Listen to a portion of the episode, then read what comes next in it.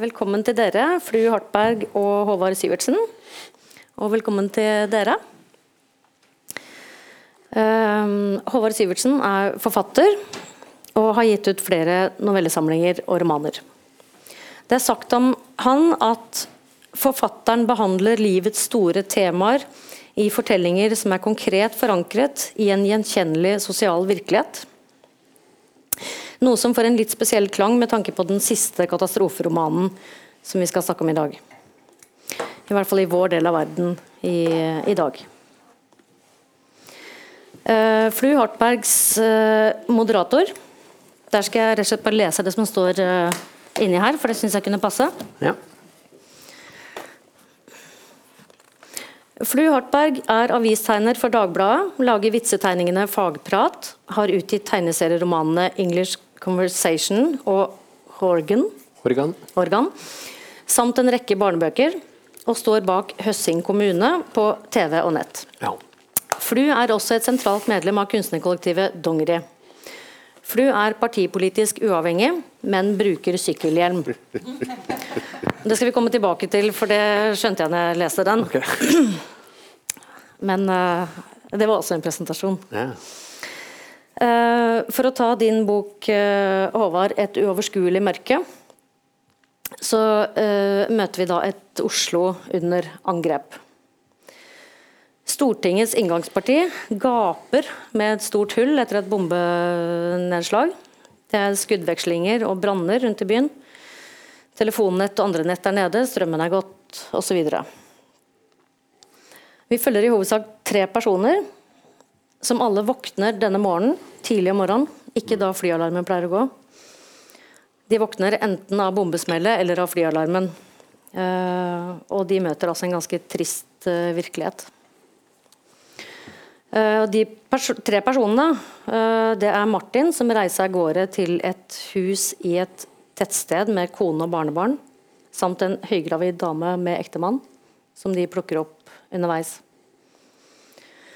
Eh, Sykepleieren Kajsa tar seg gjennom et skrekkelig Oslo for å komme på jobb og være til hjelp. Lilly jobber i kommunen på Kongsberg, der våpenfabrikken ligger, som er et ganske utsatt sted. Det var sikkert veldig kort og utilstrekkelig fortalt, men en ramme som eh, En ramme. Det var en helt grei eh, presentasjon. Takk skal du ha. Det var fint. Det var fint. I Flu Hartbergs moderator møter vi et enda mer ødelagt Oslo. Det kommer å gjøre mest ødelagt eh, by. Altså. Ja, det er konkurranse om det, selvfølgelig. Men her er liksom basically alt borte når eh, Jarle våkner og ser utover byen. Uh, Jarle er en innvandrerfiendtlig Frp-er. Vi får snakke litt lavt, da, siden Carl I. Ja. Hagen er på andre siden. Og en veldig hissig leserinnleggskribent. Og han møter da en annen overlevende, SV-eren Ludvig, med sykkelhjelm. Der kom den. Eh, Det er liksom hans varemerke. Sykkelhjelmen. Og som er opptatt av miljøet og generell omsorg for alle. Og sammen så vandrer de to da lett kranglende av gårde og treffer andre overlevende. I et stadig mer pussig Oslo, og nå har jeg tenkt å avsløre litt hvor vi ender. Okay. Ja. Um, for til sist så viser det seg at det er ikke mennesker som eh, i hvert fall direkte står bak ødeleggelsene. Det er eh, datamaskiner som har slått seg sammen og tatt over. Eh, så dette var bare sånn rammegreier, og spoiler alert alt mulig. Altså alt er bare out there. Men jeg har lyst til å høre litt om dere kan si noe om hva dere har villet si med disse beretningene. Og så kan dere eventuelt korrigere og utfylle min. Og til det så hører det med at jeg gjerne vil at du skal lese noe, og gjerne at du skal vise noe. Ja, Men gjerne si litt om det først. ok. Håvard først. Eller meg. Håvard først. Ja, jeg kan begynne, jeg. Uh, ja, unnskyld. Um, nei, jeg tror jeg begynner med å lese, jeg. Så Ja. får, vi, får jeg se om jeg klarer å svare på spørsmålet etterpå. Eh, Altså, dette er åpningen på historien om uh, Kajsa. Uh, sykepleieren. Hun er i 20-åra. som uh, altså som, som Ingvild sa, det er tre forskjellige historier, og dette er altså én av de, og dette er begynnelsen. En gjennomtrengende ringelyd. Det må være den som vekker henne. Hun veit ikke. Veit bare at det er kaldt. Hun står opp. Sovealkoven er bare en krok i stua. Da hun kommer ut derfra, ser hun seg rundt. Rimet som dekker møblene, er ikke hvitt. Det er grått, nesten svart, men det er hennes møbler. Det må det jo være. Det ser jo ikke ut til å være verken natt eller dag, ikke morgen eller kveld. Bare et merkelig flakkende lys utenfor de knuste vinduene. Og den gjennomtrengende ringelyden, støtvis som en alarm. Pupillene beveger seg. Det er en alarm. Det må være brannalarmen. Brenner det? Men det er så kaldt. Hun veit ikke hvor lenge hun har vært borte. Hun veit ikke om hun bare har sovet, eller om hun har vært bevisstløs. Det var som å våkne opp fra et svart ingenting, og hun frøys ikke, men nå skjelver hun. I det ene øyeblikket står hun helt stille og ser seg rundt. I det neste rister hele kroppen. Hun synker ned på gulvet. Hun forsøker å reise seg igjen, men beina vil ikke bære henne. De rister. Lyden av alarmen rykker i kroppen. Hun løfter hendene og holder dem for ørene. Et øyeblikk hjelper det, men så må hun slippe igjen. Hun trenger hendene. Hun griper fatt i stolen ved siden av seg. Den ligner hennes stol, den er bare ikke til å kjenne igjen. Rommet ligner også hennes eget, men hun kjenner seg ikke igjen. Fargene er borte, det som er igjen er skygger, mer eller mindre svarte. Konturene av påkledningsfiguren hun har i stua, en torso, kledd opp i en kjole hun holder på å sy, har blitt støvete svart. De kjente omrissene av møblene hennes er der, men alt har lag av støv. Alt er svart. Hun bestemmer seg for ikke å kikke i speilet i gangen. Hun veit ikke hva hun vil se, ville se der. Jepp. Ja, takk skal du ha. Jeg holdt på å si Føler du for å legge til Nei, men du, du spurte altså, hvor du ville med beretningen? eh, Ja, altså Jeg må nesten starte i eh, siste halve året i fjor, høst, høsten 2015. Så satt jeg eh, veldig mange timer hver dag og oversatte Karsten Jensens eh, roman fra Afghanistan som heter 'Den store Nei, den store skal du høre. Den store sted. Den heter ikke den. Det store, stygge den, den første sted heter den. ja. Um, og Det er altså en roman som, som foregår i, i et uh, krigsherja Afghanistan. Um, som, og Det er en veldig god roman. Jeg anbefaler den. Uh, men og dette utspilte seg da samtidig som flyktningene strømmet til Norge. Og avstanden mellom den retorikken som etter hvert oppsto rundt flyktningsituasjonen, og, og, den virkeligheten jeg satt og prøvde å gi et språk til daglig, den ble så skrikende at jeg tenkte at nei, men dette må jeg dette må jeg prøve å finne en måte å skrive om på. Og Det er det jeg har prøvd med denne boka. Så, men så kan jeg bare tilføye Men så skjer jo ting så fort. Mm. altså, altså når jeg skrev boka, så var ikke Trump president i USA. Mm. Uh, så, så, så, jeg tenker, altså det er noe med ja, betydningen av boka har flytta seg litt. Mm. Uh, på grunn av det også. Ja, men, det... men blitt enda bedre, da? på en måte. Litt mer realistisk. Nei, jeg, jeg, det går kanskje an å si den har blitt enda verre også. Det står jo her som jeg leser at du er realistisk i sosial virkelighet. Jo, men altså mitt, eh, mitt siktemål var jo altså, vi, altså, altså, denne retorikken som hele tiden gjør flyktningene og disse øh, menneskene til de andre. Og jeg øh, ville prøve å gjøre dem til oss. Altså, altså jeg mener jo oppriktig at, eh, at uh, altså, vi, altså, vi, lever jo med den ideen at alle mennesker er like mye verdt. Og da må vi på en måte prøve å leve opp til det. Da. Så lever vi jo i en verden hvor vi ser daglig at sånn er det ikke. Eh, Men hvis vi dropper det idealet, da er vi i hvert fall på, på bærtur. Så Men ville du flytte det hjem til oss, på en måte, for at vi skulle Nå har jeg allerede brukt den derre eh, før vi skrudde på mikrofonene, Rødhette og ulven-metaforen, for at vi skulle kunne se det bedre? ja, det var et forsøk, iallfall. Det, Ja. det, det er et forsøk på å, på å si at eh, ja, men hva ville vi gjort, da? Altså, altså, vi hadde jo gjort alt vi kunne for å klare oss. Selvfølgelig. Og, og ikke, ikke bare oss selv. jeg mener, altså, altså Hver eneste en som drukner i Middelhavet, har jo en familie. og har eh, venner, folk som er glad i dem, eh, barn kanskje. Altså, eh, akkurat som vi har. Så ja. Men vi skal komme videre inn på det etter hvert. Eh, Jeg lurer på om du bare vil eh, Ja, eh, snakke litt om Eller vise litt gjerne først. jeg kan, Hvis du vil ta det den veien. ja, jeg kan vise litt. Uh, ja. Um, ja, det er noen ting som er beslektet her. Det er sikkert derfor dere har samla oss på sammen, men det er jo litt forskjeller i graden av tøys. Eh, men, eh, men eh, min- bok begynte med, med et oppdrag for Dagbladet, der jeg tegner fast. og så ville vi prøve noe nytt, eller redaktøren ville prøve noe nytt, og så sa han at det er lenge siden vi har prøvd å ha en føljetong.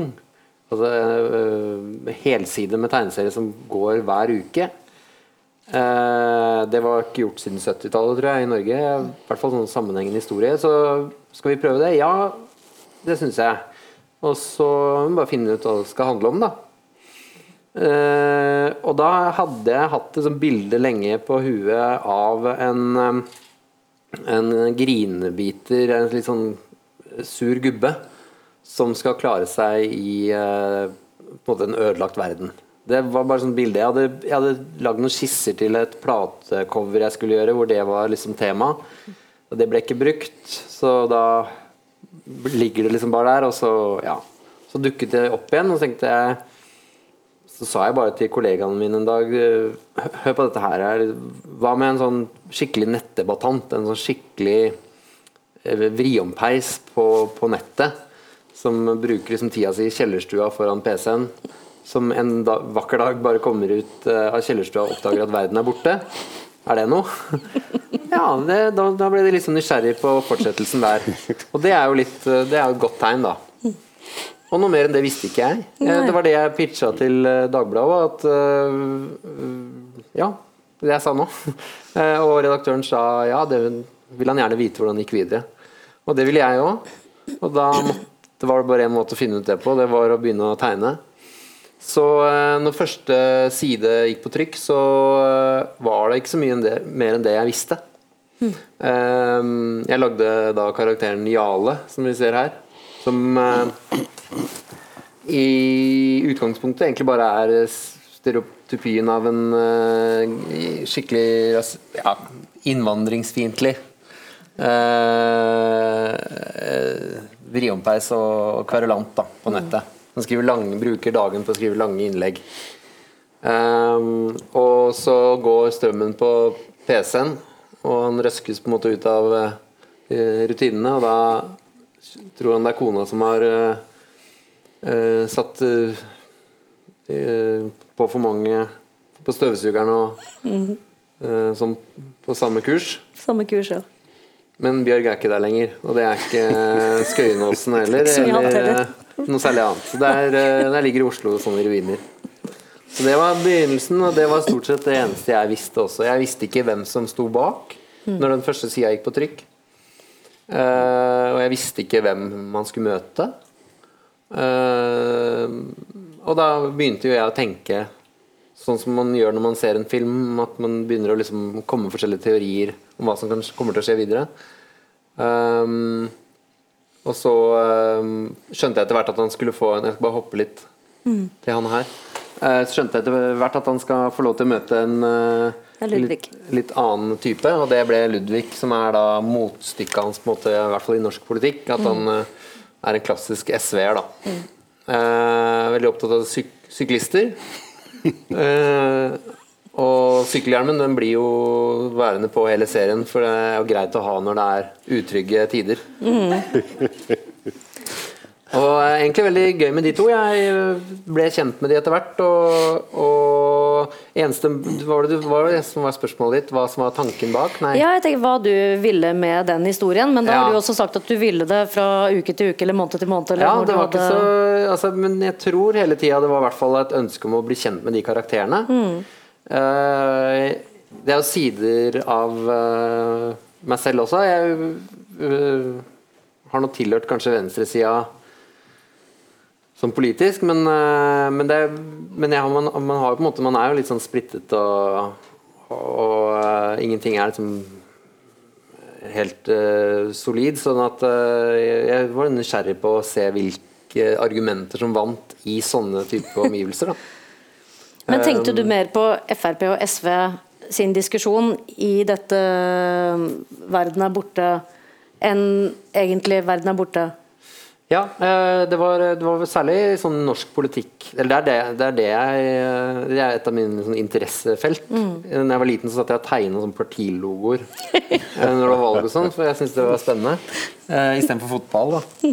Eh, Så det var kanskje hovedgrunnen. Men så, eh, samme som Håvard sa, mens jeg holdt på, så kom flyktningkrisen og alt sammen.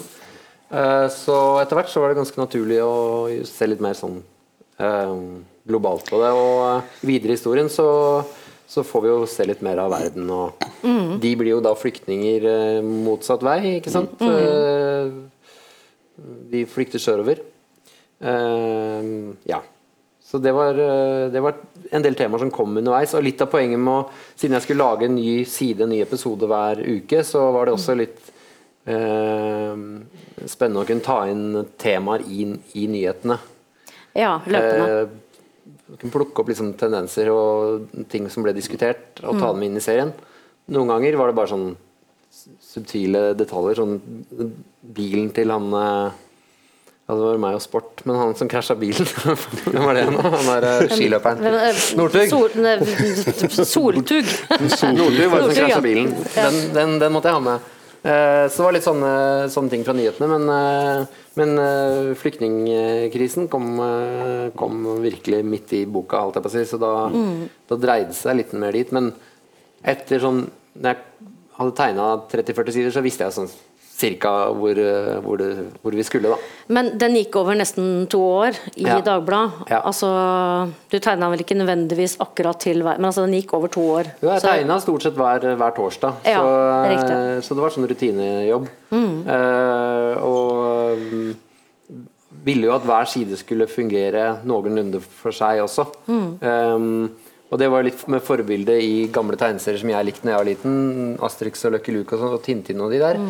Er jo lagd sånn for å funke uke for uke, side for side. Så det, Mm. Derfor er de morsomme. Hver, hver side skal være morsom, da. Ja. Og spennende. Og selvfølgelig cliff, litt sånn cliffhanger til neste uke. Mm. Så jeg prøvde å jobbe litt sånn, da. Men ja, vil du vise oss mer? Jeg kan vise litt romfolk. Ja. De har klart seg greit i apokalypsen. ja. Eh, tar det med stoisk ro, egentlig. Um, og Jale er ikke sånn kjempepositiv til å hjelpe de, men uh, som han sier, vi er alle sigøynere nå. ja. Så, men uh, han, har noe, han tenker nok det er greit å la de få sitte på. Um, ja. Og her er Oslo. Jeg måtte lage et slags sånn Ja. kart over. Jeg brukte sånn Google-kart, og så lagde jeg en løype hvor de skulle gå. Så jeg, har hatt det moro med å tegne hele byen sånn langs ruta deres. eh, hvordan det vil se ut etter et digert smell. da. ja. Det er også noe jeg har lurt på, når dere begge har eh, Du har tegna ut et ødelagt Oslo, du har skrevet ut et ødelagt Oslo. Eh, ser dere byen på en annen måte når dere går gjennom den etter å ha gjort dette her? Ser dere liksom at Rådhuset kunne jo vært sånn halvt, eller Og Stortinget kunne vært blåst og er jo Flus by mye mer ødelagt enn min Ja, by. da. den jo det. Jeg har bare lyst til å tilføye i forhold til det, forhold til det du forteller, at det, er noe av det virkelig komiske i, eh, i eh, Moderator er jo denne SV-eren som tar med seg hele sin livsstilpakke ut i, i det apokalyptiske samfunnet, og er eh, like opptatt av kosthold og, og, og CO2-utslipp. Og, og miljøet. Så, så det, er- altså, det er ganske Ja. Jeg var litt overraska over han, for han er egentlig mye nærmere meg sånn eh, kanskje sånn idealistisk. Men, eh, men jeg ble mye mer glad i Jale eh, enn Lud Ludvig viser seg å være ganske ubrukelig i en sånn situasjon, mens Jarle hadde litt handlekraft. Da. Så det, det, det var litt interessant å se at de, ja. Det var lettere for en. Frp-er å strekke seg enn en SV-er. Ja, det er kanskje med det. At, eh, noe med sånne uh, prinsipper som er litt for uh, hamra ut. De, ja, litt lite fleksibelt, kanskje. Ja. Overbeviser ikke. Nei, men jeg, tror ikke noe, jeg tror ikke jeg går rundt og ser Oslo sånn som dette. Det er en fantasi, eller en, hva skal man si. Ja. Ja. Jeg bare tenker det å ha levd seg gjennom det å forandre Oslo Ja. i tekst eller tegning, eh, må kanskje gjøre noe med en eller annen sånn 'dette hadde også gått an'-bilde. Nei, men det, er jo tri- det er jo eh, et triks for å, få, eh, for, å, for å leke litt med empati. Da. For det er sånn som du sa i stad, at når vi ser eh, elendighet langt unna, så man, i teorien så skal vi da mm, ha like mye empati for de menneskene som er langt unna, som som våre egne. Men sånn fungerer det jo ikke. Så det, det er jo noe annet når vi leser om eh, folk som lever liv som like våre egne, som må gå gjennom det, og det er steder vi kjenner og sånne ting. Det blir jo mye nærmere, og jeg tror det er en ganske effektiv måte å eh, gi liksom en liten, erfa en liten smakebit da, på hvordan mennesker har det rundt omkring i verden. Nei, altså Jeg må nok også si altså I mitt uh, bevisste liv hadde jeg nær sagt, så har jeg, ikke, så har jeg ikke hatt noen særlige tanker om det. Uh, altså Jeg er jo jeg er veldig til stede når jeg skriver, og, og, jeg, og jeg skriver veldig visuelt. Eller, og med det mener jeg altså at jeg skriver på bilder jeg ser i, i hodet, på en måte. Eh, Men eh, når jeg ikke skriver, så, så har jeg ikke egentlig tenkt så mye på det. Nei. Men jeg har hatt noen mareritt og- underveis, og, og der har det vært relativt forandra i Oslo. Ja, akkurat. men, de, men de har jeg fortrengt, så Jeg har du ikke det vanligvis? Sånn eh, Vanlig? Oslo-mareritt? Nei. Det er stort sett jeg drømmer det hver natt. Jeg. Oh, ja. At det er eh, ja, ja. Eh, Jeg vet ikke hva det er for noe, men eh, at bygninger som faller og fly som krasjer, og det går jeg gjennom hver eneste natt. Jeg. Jeg er et privilegert menneske. Du har det bare av og til. Ja, bare av og til. Så, ja, ja. Våkner like lett av hver morgen. Kan du øve deg. Men eh, jeg tenker at det, altså det er likheter, som du sier, og så er det forskjeller i eh, deres eh, utgivelser.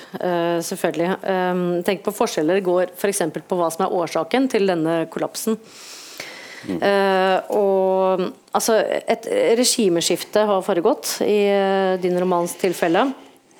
Vi hører at EU er oppløst. Det er bygd nye murer i Europa. 30-40 år etter at Berlinmuren falt. Så vi er litt sånn ja.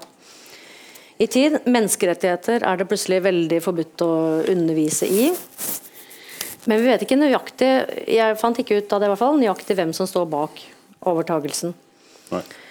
Eh, Og i ditt tilfelle så har vi altså en på en måte dataskapt, men kanskje menneskeskapt, dataskapt osv. Men i alle fall noe som er litt eh, beyond det igjen. da. Um, fordi at vi ga datamaskinene spørsmålet eh, hva kan redde jorda? Mm. en slags sånn Google-maskin ja. som skulle liksom regne ut hva som var best for menneskeheten. Og da kalkulerte de med at først må vi fjerne de fleste menneskene. Vi må ha menneskene. en skikkelig omstart. Ja. Det var liksom de, svaret fra data. de tar vare, tar bare, vil bare ta vare på liksom de, de beste menneskene ifølge liksom utregningene. Da. Ja, og de beste menneskene, det er de reality... Ja, det er sånne folk som gjør det bra. Altså, de, de, kan jo, de må gjøre alle målingene sine ut fra hva som er på nettet. Mm. Så de tar jo de menneskene som har flest likes. så det Det er jo- det er og mye reality bloggere og sånn, ja. Altså, det er veldig fin med den ene ruta som viser en jeg vet ikke om du har den her, men en tegning som, hvor du får da valget Er du sikker på at du vil formatere jorda? Ja eller avbryt? det har liksom vært inni der en gang, så har noen trykka på ja antydningsvis, da. Men når jeg da har eh, oppsummert akkurat den biten litt, eh, kan vi kalle det politisk litteratur? Og da tenker jeg også litt på det dere sa i stad med samvittigheten som slo inn når det sto på. Tenker dere på det som politisk litteratur? Flu? Nei, jeg, det veit jeg ikke. Jeg tenker at det er satire, da. Mm. Det er det nærmeste jeg kommer en slags sjanger. Um, at jeg bare ser på verden og tar det gjennom et slags filter. Uh, og overdriver så veldig masse og sånn. Og så kanskje man ser noen ting i samfunnet på en annen måte, og så er, forhåpentligvis er det morsomt. Så satire er vel det nærmeste. Jeg vet ikke Det er jo mye politikk i det, så klart. Mm.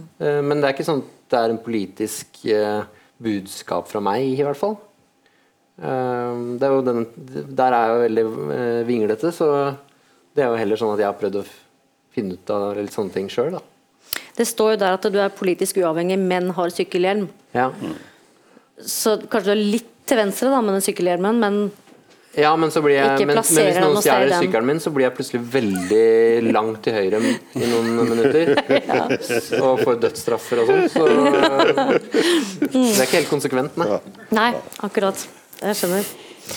Men, men eh, deg da, Håvard. Jeg tenker at Du har en setning eh, i din bok som, eh, hvor det handler om å kjøpe musikk. Du har en del referanser til såkalt gammel musikk som foreldrene hørte på. Og da er det sånn musikk som vi i vår generasjon kanskje tenker at ja, det er vår musikk.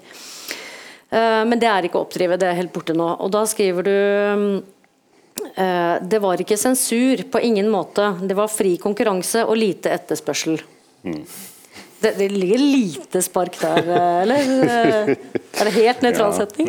Nei, nei, nei det, er ikke, det er nok ikke helt nøytralt ment heller. Det, nei da. Men, men eh, altså, er dette politisk? Ja, det, jeg, jeg har nok villet skrive en eh, politisk bok. Eh, men, men på en måte eller, altså på en måte så har nok jeg villet skrive en bok som foregår i det førpolitiske. Mm. Altså i verdiene og altså i de helt grunnleggende verdiene. Og så, kan man eh, komme til ulike politiske løsninger ut fra, fra, ut fra de eh, verdiene, da. Men, eh, eh, men ja, altså jeg har jo villet skrive en politisk altså, altså Politikk har alltid vært en del av, av, det jeg har skrevet, men aldri så eksplisitt og, og villet som nå. Nå høres dette ut som jeg har kalkulert, eh, eller som om jeg hadde alt dette i hodet når jeg begynte å skrive. Eh, Mye av denne viljen hadde jeg i hodet, men jeg ante jo ikke hvordan jeg skulle gjøre det. Altså akkurat som flu, altså jeg, altså jeg starter også bare med uh, ja, Det er ikke akkurat det som er starten i boka nå, men det startet altså med disse besteforeldrene som rømte opp Ekebergåsen. Jeg skrev en tekst om det, og det var begynnelsen på boka. Og så bare balla det på seg, for å si, si det sånn. Um, men den um, den, uh, altså det, altså den uh, forferdelige følelsen av fremmedhet i forhold til retorikken når jeg satt og jobba med den boka den høsten. Det, var- det var det jeg ville gi et språk. Da. Og da tenker jeg også når du sier det, så um, Og at det ligger noe annet til grunn for på en måte den rammen, så tenker jeg at det som også er et fellestrekk i deres uh, utgivelser, det er uh, Det handler om egentlig muligheten for å ta et oppgjør med seg selv i en katastrofal situasjon. Uh, Lilly hos deg tenker at hun har oppført seg dårlig. Altså Det er en ganske komprimert uh, historie om alle de Men det kommer sånne ting ut om både historien til personene og til nåtiden og refleksjoner rundt det. Lilly tenker at hun har oppført seg dårlig mot spesielt Steinar, som hun har hatt en historie med, og som er råd, ordfører i kommunen. Og hun endrer da på, på denne tiden, sånn som jeg leser det, oppførsel fra å være litt sånn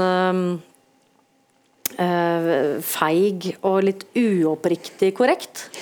Eh, Feilsøkende. til å, ja, ja feil, feilsøkende Eller ja, lete etter feil. Eh, Men til å bli veldig modig og selvoppofrende. Og så tenker jeg på um, Frp-Jarle og SV-Ludvig uh, her, som også gjennomgår veldig store forandringer i møte med hverandre og med andre. Uh, og Jarle ender jo da opp som flyktning i Afrika, og, og Ludvig som mer regimetro eh, eh, Eller ja, uten Ja. å egentlig tenke så mye over det. Men eh, det jeg tenker på er liksom Er en katastrofe da en anledning til å tenke nytt om seg selv? Altså, det virker som dere utforsker den muligheten begge to. Flu? Ja, nei, Det er vel naturlig å tenke det, at man oppfører seg annerledes. Man, de fleste har vel opplevd en eller annen sånn situasjon hvor, de, hvor man plutselig må reagere litt sånn uten å tenke. Ikke sant? Hvis øh, det går en alarm eller øh, Ja, det er en situasjon uten det vanlige, så reagerer man jo kjapt. Og så må man bare handle ut fra en slags sånn urinstinkt da, om at jeg må beskytte de og de, og jeg må passe på Ja. Jeg må overleve på en eller annen måte. Så Og da går jeg vel ut fra at man legger kanskje mange av de der sidene man ellers har, til side, og så at man forandrer seg litt, ja. Jeg vet jo, Vi har ikke opplevd det, men øh, det er jo det er jo som det morsomme med sånne karakterer som man lager, bare finner opp. da At de, de, de er nå der, og så utsetter man de for ting, og så sier man oi, ja, dere reagerte sånn, ja. Det var jo litt uventet. Ja. Uh, for det er, vel, ja, det er vel litt sånn som skjer underveis mens man skriver. At de, de viser seg at å ja, det, han viste seg å være en helt, og hun viste seg å reagere sånn. Så um, Det er jo det som er litt gøy. da Mm. Og det er jo det som er morsomt med å sette inn i en sånn veldig ekstrem situasjon også. Jeg eh, tenker jo at jeg kunne disse to hovedpersonene mine kunne jeg jo latt altså Historien kunne vært at de satt fast i en heis. Eh, og at de kunne prata ut om tingene der. Eh, så på en måte så var det bare en litt sånn eh, eh, situasjon som bare var litt morsommere å tegne. Ja. Fordi da kunne jeg i hvert fall tegne hele verden ødelagt. Eh, for de skal jo bare gå og prate, ikke sant. Men, eh, men eh, det er vel det at man Ja, det er en fint gyllen anledning til å ta et oppgjør med seg selv, da. Og det jeg fant ut med mine karakterer, i hvert fall, var vel at de de forandret seg litt, men men eh, gikk vel begge til, ganske sånn tilbake til gamle mønstre med, så fort de kunne. Sånn at um, Jale, som ender i, i flyktningleir i Somalia, han, eh, han begynner med en gang å skrive leserinnlegg til den lokale Han, mister- han syns det er dårlige forhold eh, nede i flyktningleiren. Ja. Så han er tilbake igjen der, som sånn samfunnsrefser. Og, og sammen med Ludvig, han går tilbake igjen i en sånn litt sånn eh, ja, litt sånn tøffeltilværelse. Um, uh, ja, det- Motstandsløs Ja, litt sånn tilværelse, motstandsløs tilværelse. med sykkelhjelmen liksom metaforisk Ja. plutselig nå, da. Og, og, og begynner å jobbe Regimetro for Regimetro Ja, regimetro. Så øh, det er litt gøy å se. Det er sånn Ja, som sagt, det er ting jeg var i hvert fall ikke bestemt på forhånd i mitt tilfelle. Men da kan du jo si at det, det er ikke nødvendigvis sånn at man øh, alle forandrer seg så mye med katastrofen. Man har potensial for forandring og for å ta et grep. Eh, men i alle fall så blir man overlevelsesdyktig, tenker jeg. Ja, det ser vi jo. Altså, tenker du det at øh, enten forandring eller på overlevelsesdyktighet eh, Ja, i ditt altså- univers, da? Uh, I en prekær situasjon så kan mennesket Altså, ja, jeg må også si at ja, men jeg hadde jo ikke peiling på hvordan disse folka kom til å reagere. Det, og det tror jeg ikke noen av oss vet. Altså, når vi står i en, altså, hvis en sånn situasjon inntrer, så tror jeg ikke vi har peiling på hvordan vi reagerer. Eh, det kan være at eh, han som, eller hun som er en pinglete daglig, plutselig står fram som den store heroiske eh, kjempen, og motsatt, tror jeg. Men, eh, men jeg måtte jo finne ut da, hva som skjer med disse folka, og da, og da ble det noe sånn altså jeg, jeg, Når jeg skriver, som jeg, som jeg sier, jeg veit jo egentlig ingenting. Om uh, verken historien eller, uh, eller, menneskene eller noe. Så da må, da må jeg bli kjent med dem. Og så, og så viste Lilly seg å være den som, uh, som hun var, da. Og da Ja, som Nei, altså, som si litt mer om det. Ja, altså, altså hun, hun, innser jo at hun Hun har vel hatt et selvbilde som ikke helt er i overensstemmelse med hvordan hun egentlig er. Og det skjønner hun, og det går opp for henne underveis. Og så får hun da og det er jo en slags gave oppi alt sammen for henne. altså Hun får en mulighet til å, å rette det opp. da. Mm. Um, og, det, og, den muligheten bruker hun. Uh, så, så, vet vi jo ikke da, fordi om hvorvidt hun hadde falt tilbake til gamle mønstre eller ikke. Det, det, det, får vi ikke vite. Nei, ikke i det tilfellet. Nei. Say no more. Så, jeg, jeg, tenker jo at uh, en sånn Siden vi har sånne ekstreme situasjoner i, i bøkene, så er det i hvert fall jeg tenker at det, kan, at det, er jo litt sånn symbolsk også for min del, i hvert fall, når jeg, skriver, jeg har lagd det, at eh, det er på en måte et scenario jeg har valgt som sagt litt ut fra underholdningsaspektet også, må jeg innrømme. Sånn at eh, eh, Historien ville, blir jo altså, Den kunne jo blitt tilsvarende hvis det hadde vært Det hadde ikke vært å trengt, trengt å være verdens undergang. Det kunne mm. vært en heis strømmen gikk i Oslo. Ja, altså det kunne vært ja, mm. Eh, en heis. Do, Dopingskandaler. Ja. Jeg tror absolutt det. Altså. Så, så, det er jo på en måte bare en måte å rydde vekk eh, mange unødvendige detaljer, egentlig. Sånn derre eh, mobiltelefoner og, og TV-programmer og alt som måte forstyrrer uh, mm. handlingen. det, bare, nei, det tar vi vekk, og så plasserer vi de der i Beleilig nok, liksom. Da går ja, de bare du, rundt uten dette. Ja, for du, så I boka til Åra så er det jo, det er jo, eh, Du får veldig fokus på karakterene når mm. uh, liksom, omgivelsene er sånn uh, i tåken eller i flammer, da. Egentlig. Man skulle tro at det var liksom hendelsene som fikk hovedfokuset. Det er det ofte i Hollywood når de skal vise fram en dommedag. Mm. Det er for, for øvrig litt sånn Jeg elsker jo sånne filmer. Eh, når alt går, går ad undas. Uh, og de er ofte veldig dyre, så det er mye effekter og sånn. Men der er det jo der er ofte uh, katastrofen er hovedpersonen. Sånn som i uh, uh, Jeg heter alle de filmene Day After Tomorrow og alle disse her. Så er katastrofen vi følger med på, og karakterene er ofte ikke så veldig uh, Vi blir ikke så kjempekjent med de. Det er, de er ofte en far som må ta litt ansvar. Sånn. Mm. Liksom sånn, litt sånn plakater. Sånn jo, mm. men det er kanskje ikke tid til det heller. Vi skal mm. pløye oss gjennom og sånn. Så, uh, men i uh, bøker så uh, også en, en, som er liksom favoritt, en favorittbok for meg, er den The Road. Mm. Cormac McCarthy. Som følger far og sønn gjennom Det er også sånn etter katastrofen um, um, uten at vi vet helt hva som har skjedd. Og det er sjelden jeg har kommet nærmere på to karakterer eh, um, i en bok. da. Så det er jo sånn Det er jo litt fordi jeg, for min del i hvert fall, at jeg er veldig fan av, av uh, den sjangeren, hvis man kan kalle det det. da. Både fordi det er uh, spennende og gøy, mm. og fordi uh, det er sånn effektiv måte å bare ja, snu litt på flisa og, og se på ting med litt andre øyne. da. Men nå har jo jeg helt glemt å, å, å legge grunnlaget for Jeg skulle liksom si sånn dystopisk Jeg vet det, jeg, skal, jeg har rakket opp først. Eh, dystopisk litteratur og eh, apokalyptiske filmer. Eh, som, som, selvfølgelig ligger i bånn her for vår alles forståelse for dette er katastrofetenkningen kulturelt, altså i de uttrykkene. Um, men uh, OK, ferdig. Din tur.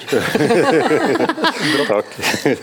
Nei, altså Jeg har bare lyst til å tilføye i forhold til det at, at når, når uh, vi ikke verken leseren eller personene eller noen vet hva som foregår i min bok, så er jo det også fordi jeg innbiller meg at ja, men det gjør man jo ikke. i en sånn situasjon. Man har jo ikke peiling når man øh, sitter der helt nede på bakken og det smeller, og, det, og, og hva er det som skjer? Nettet er borte Nettet er borte, mobilene.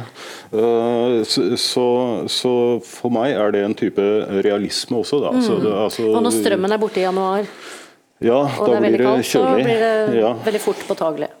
Ellers så, ja, det, Dette blir bare en, eh, en litt useriøs digresjon. Men vi har jo da begge løst problemet med mobiltelefonen. Altså, Eksistensen av mobiltelefonen kom jo i og grep sterkt forstyrrende inn i litteraturen. altså Plutselig så ble veldig mange plott ødelagt. Ikke minst for kriminalroman så er det jo et kjempeproblem. så, så, så, men det fiksa Ja, det er vi. ganske mange sånne, ja, bøker og filmer og sånn som ville blitt ødelagt av mobiltelefoner. ja. Samtidig så sier du at uh, ingen av Seinfeld-episodene kunne eksistert med det plottet de har hvis mobiltelefonen hadde funtes. Nei, for da løser du bare konflikten med en gang. Og ja, det er sant, det. Altså, det er virkelig, og jeg tror det er et reelt uh, en utfordring for å skrive noe underholdende. Fordi at alt kan foregå med den telefonen. Altså, min, Ja. Jeg har en tese om at mobiltelefonen har erstattet sigaretten i filmer. Som sånn, der, som sånn estetisk virkemiddel og Ja. pa pause. Det er Humphrey Bogart med Ja, Ja, det er kanskje sånn. Ja. Ja. Ehm, jeg bare Vi skal snart begynne å avrunde. Jeg vil bare høre um, Siden du så vidt var inne på at du hadde lest han Hva, hva tenkte du når du leste hans bok? Uh... Jeg tenkte òg favorittsetting for meg å lese om. ja. At verden går til helvete. Uh, og da blir jeg automatisk interessert og får lyst til å lese. Um, det er gøy når det er mye som står på spill, da. Så det er jo en, det er en ganske sånn uh, fin port inn i en bok, fordi at eh, veldig ofte når man begynner på MOOC, så, så tenker man å, her, er en, her skal jeg bli kjent med enda en hvilløst uh, menneske som skal finne ut av seg sjøl. men uh, hva sier man? At eh, ja, her er det mye på spill og sånn. Mm. men nei, jeg slukte Jeg begynte på den i går kveld og slukte meg gjennom og var- ble veldig engasjert i de karakterene. Og gøy å lese om Kongsberg. Eh, Ja. Altfor lite litteratur om Kongsberg. Men du da, du, du skrev jo i eh, vår mailtråd før dette her at du hadde sittet i andres påhør um, og, og ledd veldig høyt av ja, hans uh, ja. Eh, Men sy, syns du på en måte humor også egner seg i, en, i møte med en sånn tematikk? Ja. Eller behandling? Ja. Selvfølgelig.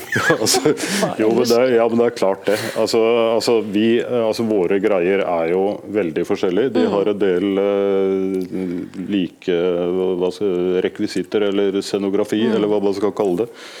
Men uh, altså, jeg syns den er kjempemorsom. Og, og det er klart man kan uh, Det er klart, det. Altså, det, det var, det var kjempemoro å lese den boka. Det, og, og, og, og, og det er jo særlig karakterene. Altså, og det er, jo, det er jo denne usympatiske nettrollet som etter hvert blir eh, helten i historien, på sett og vis. Altså, det er jo han som i praksis viser seg som et empatisk menneske. Mm, ja.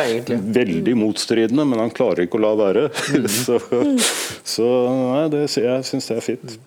Ja, det tenker jeg litt på. Det er lettere med, altså, for han enn for SV-eren. SV-eren har liksom så mye å gå på at det er for mye. Mens han liksom må overkomme en sånn Ja, ta de med i bilen, da. Ja, nei, jeg klarer ikke helt Ja. Så ja. Og så er det jo to forskjellige mennesker, sånn at eh, det er jo eh, litt mennesketypen da. At han eh, eh, Ludvig SV-eren, han er jo, er jo en veldig naiv og lettlurt type. Han Kona har jo akkurat flytta til Portugal rett før dette her skjer, med sjefen. Eh, for å starte liksom, For å hjelpe sjefen der nede litt. Og det, det syns han var jo Ja, ja, det tatt med seg barna og Topp. Så um, det er jo Jarle som forteller ham at Han var ikke, han plaget, blitt han var tatt ikke, nesa. plaget, var ikke utidig plaget av sjalusi. Nei, Nei. det bør man ikke være som en god sånn venstrepolitiker. Man må være litt raus. Men han ble realitetsorientert av Jarle, og, Ja. og gjennom disse merkelige tingene mellom Jarle og Ludvig, så oppstod det jo et vennskap, da. Ja, det er, på en jo det, de har på en måte ikke noe valg, det er bare de to igjen. Omtrent. ja, det, ja. Det jo Men, men jeg synes jo det, men det, er, det er kult at det går an å gripe en sånn, altså sånn scenario med så, to forskjellige måter. Da. For det, er jo, det, det handler vel litt om hvem og hvilken stemning du vil at leseren skal være i. Ja. Fordi at Jeg tror hvis du skal altså Boka heter jo 'Et uoverskuelig mørke'. Du er jo Du vil jo komme inn i mørket. Man, man, det er jo guffent. Det er guffent å lese. Så, og, og det er ganske gøy eh, når man havner inni en bok som er Her, her er det jeg, jeg, Det er spennende, men det er ubehagelig her, liksom. Så, så da vil man jo ikke Eller da ville det vært rart å bli revet ut av den situasjonen plutselig med slapstick-humor, kanskje. Men eh, det, nå har jeg ikke lest heller, så kanskje det kommer noe helt crazy greier på slutten. Ja, nei, altså jeg, jeg, jeg tror ikke jeg kan love noe så. Nei. Nei, men der, og så er det, når jeg skulle skrive, så jeg ville jo at hver side skulle være morsom, men, men så måtte jeg jo drive handlingen framover. Og det er ikke alltid så lett, fordi at med en gang du skal drive og være morsom, så kan det være vanskelig å bare få personen til å bevege seg fra A til B. Altså, du må, du må ha litt handling for å drive historien framover. Eh, så det er helt en sånn balansegang. Da, at, eh, så ofte ble det sånn Ok, i den, på denne siden så skal de, må de faktisk klare å gjennomføre et eller annet.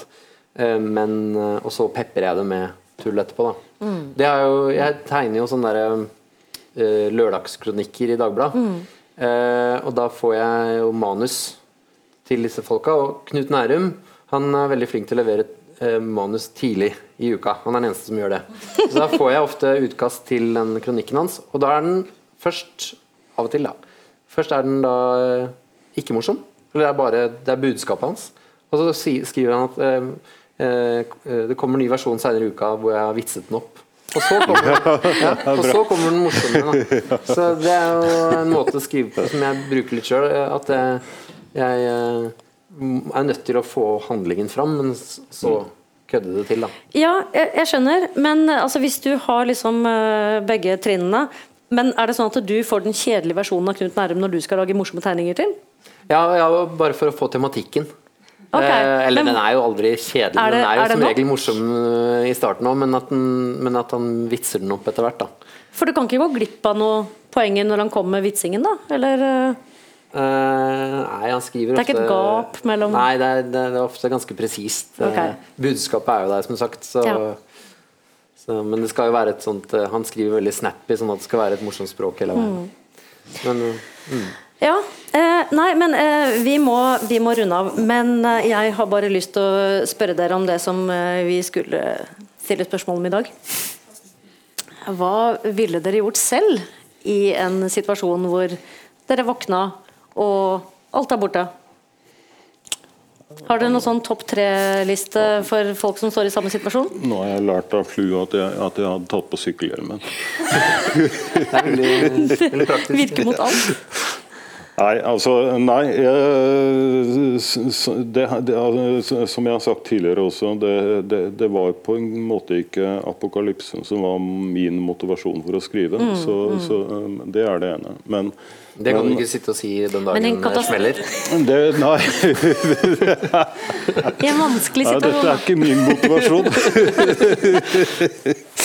nei, men jeg tror Altså, altså jeg tror uh, Jeg tror det beste, beste man kan gjøre, eh, rett og slett er å tenke at eh, ja, men det jeg gjør nå, det skal jeg leve med hvis jeg overlever. Altså da jeg skal kunne se meg selv i speilet om ti år og, og uten å slå ned blikket. Det, det ble veldig alvorlig, men, eh, Nei, det, men jeg ja, tror det. Det er sikkert lurt, det. Ja. Så du plyndrer naboen sitt hus, og så noen uker etterpå så er alt ordna seg igjen. Og så, ja. Det kan bli litt Var det ditt svar? Nei, det var Plyndre naboen sin. Jeg bare analyserer. Ja. Det står godt svar, jeg. Ja. Eh, og mitt svar ja. Eh, nei, fordi jeg har tenkt eh, ofte før Jeg tenkte tenkt at eh, jeg orker ikke tanken på sånn motgang i livet. Hvis det, jeg tenkte tenkt sånn i krig og sånn, så vil jeg bare Det orker jeg ikke forholde meg til. Da vil jeg heller bare legge meg ned og dø i en busk. Men, men, så, men nå er jeg så familie og sånn jeg må passe på, så da må jeg vel være mann i huset og Finne noen skarpe gjenstander. Jeg vet ikke, er det, det kommer litt an på situasjonen. Jeg har tenkt mye på zombieangrep og sånne ting. Hva jeg ville gjort da? Eh, hvor det er trygt å være og sånn. Eh, men det er urealistisk, selvfølgelig.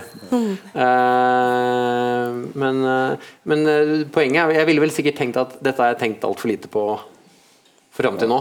Ja. Jeg burde ha hamstra hermetikk, selvfølgelig. Men hvis det er greit for deg, så tror jeg at jeg sverger til liksom hans svar. Ja, det er greit. På, på akkurat dette. Ikke gjør noe du Dette har jeg angrer- tenkt ikke for lite du på. angrer Vet jeg ikke ja, hvordan du skal bruke det. Men, eh, men det er jo nettopp det som skjer med dine personer, egentlig. De har ikke tenkt på det. Og så, eller for så vidt dine også. De har ikke tenkt på det, og så bare tenker de styrtmessig der og da. Så blir det orden på de tankene også. Ja. Nei, men det som det vil, man vel ser på folk som er på flukt, flukt og sånn, er at det mobiliserer i hvert fall helt sånn vanvittige krefter. Da. Sånn at Ja. eh, det er tydelig at man har et slags reserve eh, reservat av, av krefter og Altså, du slenger deg ut i en gummibåt. eh, Det er jo helt galskap, selvfølgelig. Mm. Men eh, man har vel en sånn ekstra motor. Så egentlig er svaret at eh, vi trenger ikke tenke så abstrakt som vi gjør nå. Vi kan tenke, tenke veldig konkret. Noen må gjøre det. Ikke sant? Og de må handle derfra. Hmm. Nå tenkte jeg at jeg skulle spørre om det var noe spørsmål eller tanker. Eller Ja, vær så god. Det er egentlig litt en kommentar. Eh, Jeg kan liksom ikke unngå å se at eh, på forskjell av moderater, så har du flue. Du har jo tegna hunden til Håvard. Ja. Du har, har du en Bijou-frisé? Ja. Uh, Havanes. Ok. Ja, eh, søskenbarnet. Ja, det, vis- det, det er tilfeldig, tror jeg. Ja, det er det. Også Er det Ja, tilfeldig? altså, jeg, altså, jeg valgte å ikke ta noe av det der personlig, men eh, Nei, men Jeg kan anbefale å ikke nødvendigvis ta med en bikkje i en historie, fordi at det er veldig lett å glemme den. Eh, jeg var så fornøyd når jeg fant den bikkja Det var en eh, som sto på Bøler T-banestasjon. tenkte jeg den må være med i historien min.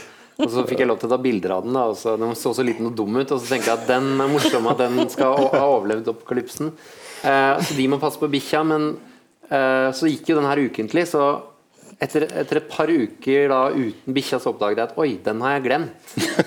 Og da måtte jeg ta inn? Så hadde, Jeg gikk jo ikke an å gå tilbake på det. Det var jo allerede vært på trykk, så jeg måtte da sy inn i historien at de hadde glemt bikkja. Så når du sier at de har glemt bikkja, så er Så det er det tegneren som har glemt Ja. bikkja? Altså. Så det var ganske uh, irriterende å ha med den. det, det er på, på forfatterstudiet i Bø, som jeg gikk på for frykt, fryktelig lenge siden. for dette, du? Eh, Ja, der heter det 'glemme bestemor i trappa'-syndromet. Ja, ok. Så hun blir den Finner jeg det i siste kapittel, da har hun stått der siden åpningen. Jeg gikk rett på den smellen der. Ja. Ja.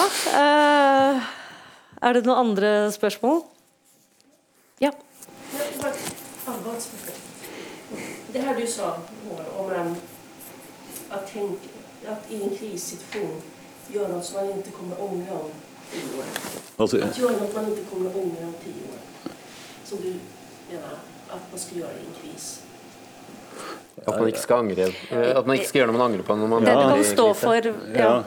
ja. Att, att, att du skal agere som om, på ett sätt som gör att du kan leva med dig själv om tio år. Så att, när du översatte den där boken från Afghanistan, fanns det människor i den som tänkte så i kris? Ja, nå spør du, altså Den boka jeg oversatte fra Afghanistan, den, den følger altså en dansk tropp i Afghanistan. Og de blir jo øh, Og de blir jo tvinga inn i situasjoner hvor øh, hvor, det ikke, hvor, det ikke bare er de selv som bestemmer hva de må gjøre. Uh, uh, Det er nok jeg, jeg vil nok tro at en del av de romanpersonene i den romanen ikke helt uten videre lever enkelt med det, det de gjør etterpå. Så ja. Var det svar? Eller Jag bara tänkte om det var möj, möjligt att liksom, ehm, följa ditt råd. Om det fanns folk som gjorde det. Men jag- jag- Det er vel alltid folk som utnyttes Kanskje disse muslimene gjør det? Det er alltid folk som utnytter situasjonen når det er mulighet. Da. Det ser man jo når det er eh, Ja. uh, Bare det er eh, strømmen går i en by, så er det jo noen som be- benytter anledningen til å rane. Så, ja, det er utrolig. Altså, det, det berømte strømbruddet i New York. som- Ja. som, og folk gikk bananas i Ja. TV-butikken og sånn, ja. så- Ja. Nei, men det er mulig at det er et spørsmål vi kan ta med oss. At det er litt større enn vi kan svare på nå også. Du får sikkert fram det beste i noen og det verste i andre. Ja. Men jeg tror vi skal da runde av, og så sier vi at uh, vi konkluderer med at uh, søk tilflukt under en sykkelhjelm ved apokalypsen, og ikke glem bestemor i trappa. det er bra. Takk skal dere ha. Tusen Takk takk. skal dere ha.